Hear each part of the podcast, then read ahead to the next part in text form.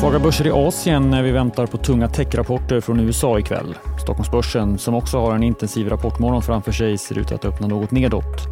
Du lyssnar på din Morgonkoll. Det är den 25 april och jag heter Alexander Klar. Och vi börjar med en rapport för ABB har precis släppt sina siffror. Verkstadsjätten ökade vinsten med drygt 20 procent. Rörelseresultatet landade på knappt 1 miljard dollar. Omsättningen som var högre än väntat blev 7,6 miljarder. Marginalen landade på drygt 16 procent. Även orderingången på 9,5 miljarder var högre än väntat. Bolagets vd Björn Rosengren skriver i rapporten att han förväntar sig en tvåsiffrig tillväxt under det innevarande andra kvartalet och för helåret säger man 10% intäktstillväxt. Samtidigt så meddelade bolaget att man tänker avnotera sig från New York-börsen i slutet på maj.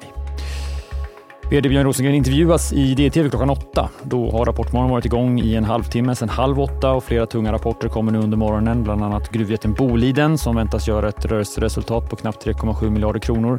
Det ska ställas mot ungefär 5 miljarder i fjol. Skogskoncernen Stora Enso är också med. De har redan flaggat för att helåret blir väsentligt sämre än i fjol. Även Viaplay, Electrolux Professional och nätbanken Nordnet kommer med sina siffror under morgonen. Och I USA kommer flera av de största techbolagen med siffror senare ikväll. Både Googles Alphabet och Microsoft kommer med kvartalssiffror. Det är två av de tre tyngsta pjäserna i indexet S&P 500. Senare i veckan bland annat Amazon och så den tyngsta spelaren i indexet Apple först i maj. Flera av de så kallade fangbolagen väntas visa på rejäla vinsttapp i år i en storleksordning vi inte sett sedan 2009, skriver Bloomberg. Det är mestadels neråt i Asien. Flera techaktier kämpar. Hongkongbörsen är ner knappt 1,5 procent. Det är liknande nedgångar på teknikbörsen i Shenzhen. Inte fullt lika svagt i Shanghai medan Tokyobörsen faktiskt stiger svagt. Marknaderna i Australien och Nya Zeeland är stängda för helgdag. Och Wall Street hade en ganska stilla dag igår med endast små rörelser på indexnivå. Fed-ledamöterna har gått in i sin tysta period så inga nya uttalanden om inflationsbekämpningen. En del rapporter igår. Electrolux konkurrent Whirlpool gjorde ett bättre resultat än väntat. Både på justerat resultat och på omsättningen upprepar också sin guidning för helåret och aktien steg i efterhanden. Hej, Ulf Kristersson här. På många sätt är det en mörk tid vi lever i. Men nu tar vi ett stort steg för att göra Sverige till en tryggare och säkrare plats. Sverige är nu medlem i Nato. En för alla, alla för en. Den mindre banken, First Republic, steg kraftigt inför sin rapport som kom efter stängning, men aktien föll sen ännu kraftigare i efterhanden då kvartalssiffrorna bland annat visade att det insatta kapitalet föll med hela 40 procent under det första kvartalet. Fallet hade varit på över 50 procent om inte amerikanska storbanker gjort stödinsättningar under mars. First Republic vill också säga upp 20-25 procent av sina anställda, minska mängden kontor och även sänka ersättningarna till sina chefer. Elbilstillverkaren Teslas aktie backade fortsatt ner 1,5 procent igår efter att det framkommit att flera institutionella investerare, bland annat svenska, skrivit ett öppet brev till styrelsen om att begränsa vd Elon Musks makt i bolaget. Apple vinner nu i en högre instans mot Epic Games. Domstolskonflikten rör betalningar i spel och i det här fallet Epics storsäljare Fortnite. Bakgrunden är att Apple kastade ur Epic ur App Store efter att de skapat ett sätt för kunder att betala inne i appen för att slippa betala 30% till Apple. Epic tog då Apple till domstol.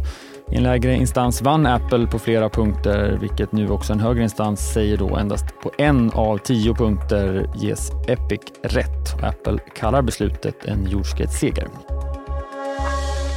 Sverige igen. Fingerprint Card har också kommit med rapport. Det blev en växande förlust som landade på minus 76 miljoner kronor för det första kvartalet. I fjol var det knappt 32 miljoner kronor i förlust. Sist om att Swedbank skruvar på sina prognoser och tror på bättre tillväxt i Sverige i år. Banken tror att inflationen landar på 6,5 procent i år och att BNP-tillväxten stannar på 1,3 procent. I början av året spådde banken att BNP-tillväxten skulle bli negativ. Nästa år, 2024, blir det svagare tillväxt, endast 0,3 procent samtidigt som inflationen kommer ner till 2,2 procent. Och banken tror att Riksbankens styrränta når 4 procent i år för att sen falla tillbaka till 2,75 procent i slutet av 2024. Det avslutar det i Morgonkoll. Missa inte Rapportmorgon från klockan halv åtta och missa framförallt inte att vi släpper hela den sändningen som en podd under förmiddagen. Du hör alla vd-intervjuer och studiokommentarer samlat. Även Börsmorgon med start kvart i nio finns som podd från klockan 11 senare idag. Och som vanligt, alla klipp och intervjuer på sajten di.se. Jag heter Alexander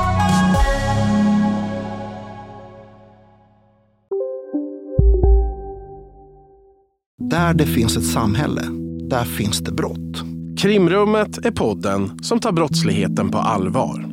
Jag bjuder in landets ledande experter och tar upp aktuella rättegångsfall för att begripliggöra den kriminalitet som kryper allt närmare. Du, alltså, du kan knäcka ett eller några gäng, men det kommer komma nya och så kan vi knäcka dem sen. Men att du ska knäcka allt forever, det kommer aldrig ske. Det är infinite gain. Lyssna på Krimrummet, en podd från Expressen med mig Kim Malmgren.